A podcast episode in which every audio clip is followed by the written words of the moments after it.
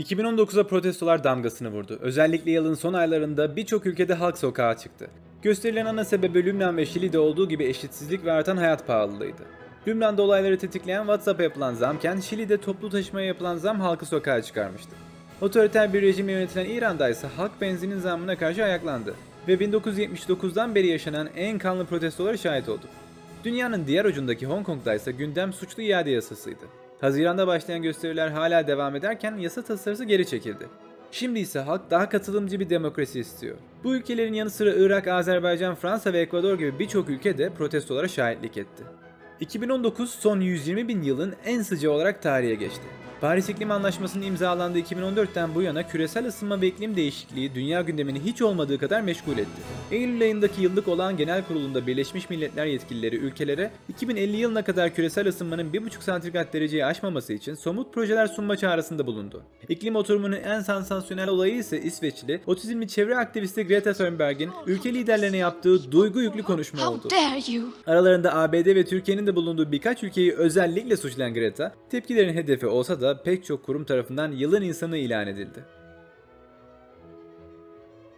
Suriye İç Savaşı 2019'da da dünya gündemindeydi. Şubat ayının sonunda Trump DAEŞ'in yenildiğini duyurmuştu. Ekim ayına gelindiğinde ABD Suriye'deki birliklerini çekme kararı aldı. Bu karar sonrası Türkiye PKK'nın Suriye'nin kuzeyindeki uzantılarına karşı operasyon başlatacağını duyurdu. 9 Ekim'de başlayan Barış Pınar operasyonu ABD'nin devreye girmesiyle durduruldu ve Türkiye Suriye'nin kuzeyinde 30 kilometre genişliğinde bir güvenli bölge şeridi planını kısmen de olsa gerçekleştirmiş oldu. Takip eden günlerde DAEŞ lideri Bağdadi'ye yönelik operasyonda Ebu Bekir Bağdadi'nin kendisi ve iki çocuğunu intihar bombasıyla öldürdüğü haberi örgütün tekrar canlanacağına yönelik endişeleri azaltırken Türkiye de ele geçirilen yabancı teröristleri cezalandırmaları için ülkelerini geri göndermeye başladı. ABD Suriye'den çekilirken Rusya Suriye'de etkisini her geçen gün artırmaya devam ediyor. Rejimle birlikte muhaliflere karşı mücadele eden Rusya, sivil ölümlerinin yüksek olduğu birçok operasyon gerçekleştirdi.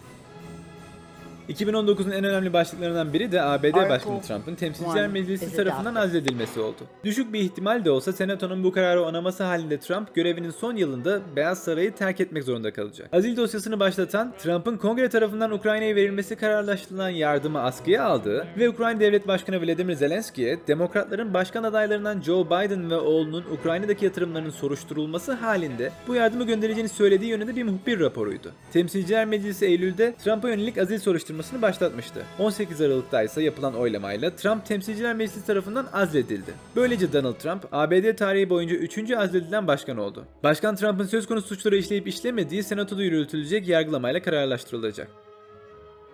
Ve son olarak 2019'un belki de en önemli olayı.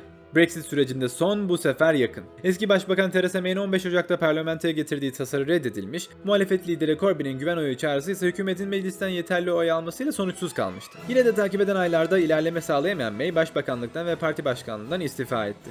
Muhafazakar Parti'nin yeni başkanı ve yeni başbakan olan Boris Johnson ise Brexit'in tamamlanması için erken seçim çağrısında bulundu. %43 oy ve 365 vekil ile büyük bir zafer elde eden Muhafazakar Parti 20 Aralık'ta AB'den what? yasasını meclisten geçirdi. Ve 31 Ocak 2020'de Birleşik Krallığın AB'den ayrılmasına karar verdi.